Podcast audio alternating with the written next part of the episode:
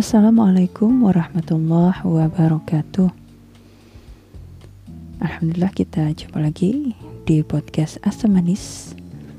Walaupun asam, semoga tetap terasa manis. Kita masih dalam episode lifestyle atau gaya hidup. Kali ini kita coba angkat seputar kulineran ya. Simak ya.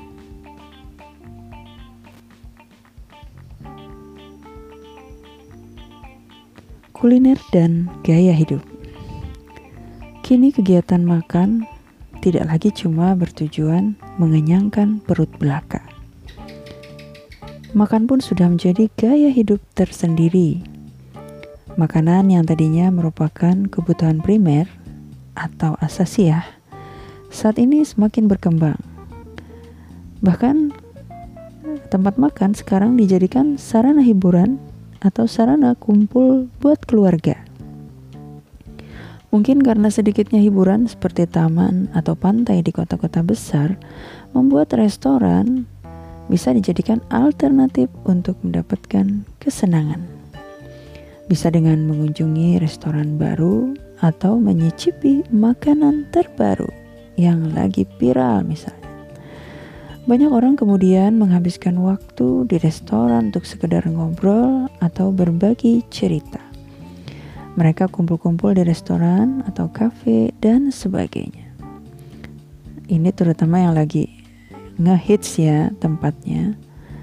Ya selepas untuk kerja seharian dan bisa jadi karena tempatnya nyaman buat kongko dan instagramable juga.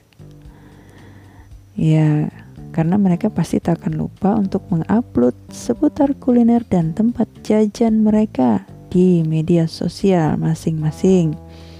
Biar apa coba? Ya makin eksis. Fenomena ini sudah semakin lekat dengan masyarakat urban. Makanya tak heran kita katakan kuliner sekarang identik dengan gaya hidup Ditambah lagi, kebanyakan awak media juga ikut mempromosikan berbagai wisata kuliner. Berbagai macam ragam bentuk kuliner bisa ditampilkan. Bisa berupa masakan khas atau suatu makanan yang jarang di tempat lain atau dibuat sama tapi cara penyajian dan resep atau racikan berbeda. Mungkin kayak kue apem dibikin kekinian, uh, viral dan seterusnya. Atau masih ingat kasus Bipang Ambawang ya? Nah itu kan salah satu peran media juga. Padahal ternyata babi panggang. Wah, wah. Gawat ya kalau muslim nggak tahu itu hukumnya apa makan babi. Ya. Tapi bagaimana sebenarnya hobi kuliner ini ya? Dari sudut pandang muslim. Hobi kuliner, kuliner tentu nggak apa-apa ya ya boleh karena memang ini bagian dari hajat hidup kita kita butuh makan gitu ya. Di sisi lain kita pun butuh rekreasi perlu menenangkan diri dan sebagainya. Tapi tentu ada batasannya ya nggak nggak harus sampai berlebihan. Apalagi sampai pikirannya makan makan dan makan. Atau gimana biar eksis dan gak mau dibilang kudet lalu terus menjajal makanan baru tempat tongkrongan baru yang ngehits tanpa ada pertimbangan budget mungkin kemampuan diri atau bagi seorang muslim tentu halal dan haram ya. Bahkan mereka rela mungkin merogoh uh, apa, gaji mereka yang sebagian besar habis di tempat tongkrongan itu. Bayangkan kalau beli secangkir kopi seharga 100 ribu rasa gimana ya? Ya apalagi sekarang orang tinggal gesek kartu kreditnya wah ini sudah tentu aja nggak sehat ya dan itu bukan gaya hidup seorang muslim Syekh Yusuf Al-Qadrawi dalam halaman resminya menyebutkan sikap seperti ini adalah sikap kerakusan dalam berbelanja atau menghabiskan uang. Dan ini sangat dikecam dalam Islam. Hukumnya haram. Meskipun ya kita tahu uang itu hasil jerih payah, kerja ya, kerjanya sendiri. Karena konsep kepemilikan harta yang berlaku dalam Islam, pada dasarnya uang yang kita miliki bukan hanya milik kita sendiri. Harta itu adalah suatu titipan ya dari Allah kepada yang bersangkutan. Maka di dalam harta kita itu bisa jadi ada hak orang lain. Ya, bisa bisa jadi ada hak para mustahik jika harta itu misalnya sudah memenuhi nisab dan haul gitu.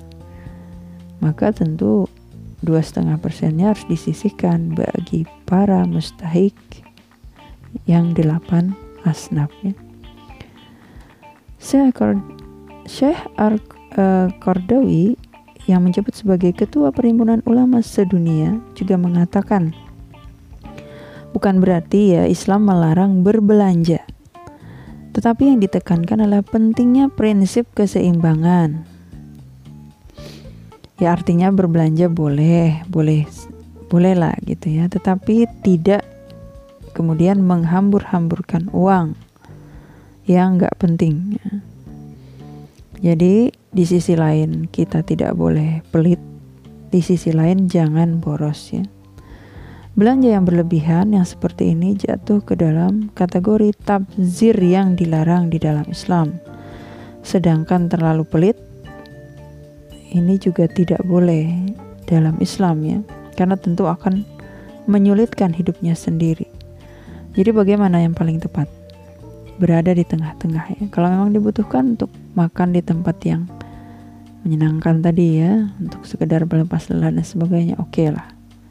Tapi jangan kemudian apa ya, tidak tahu batasannya.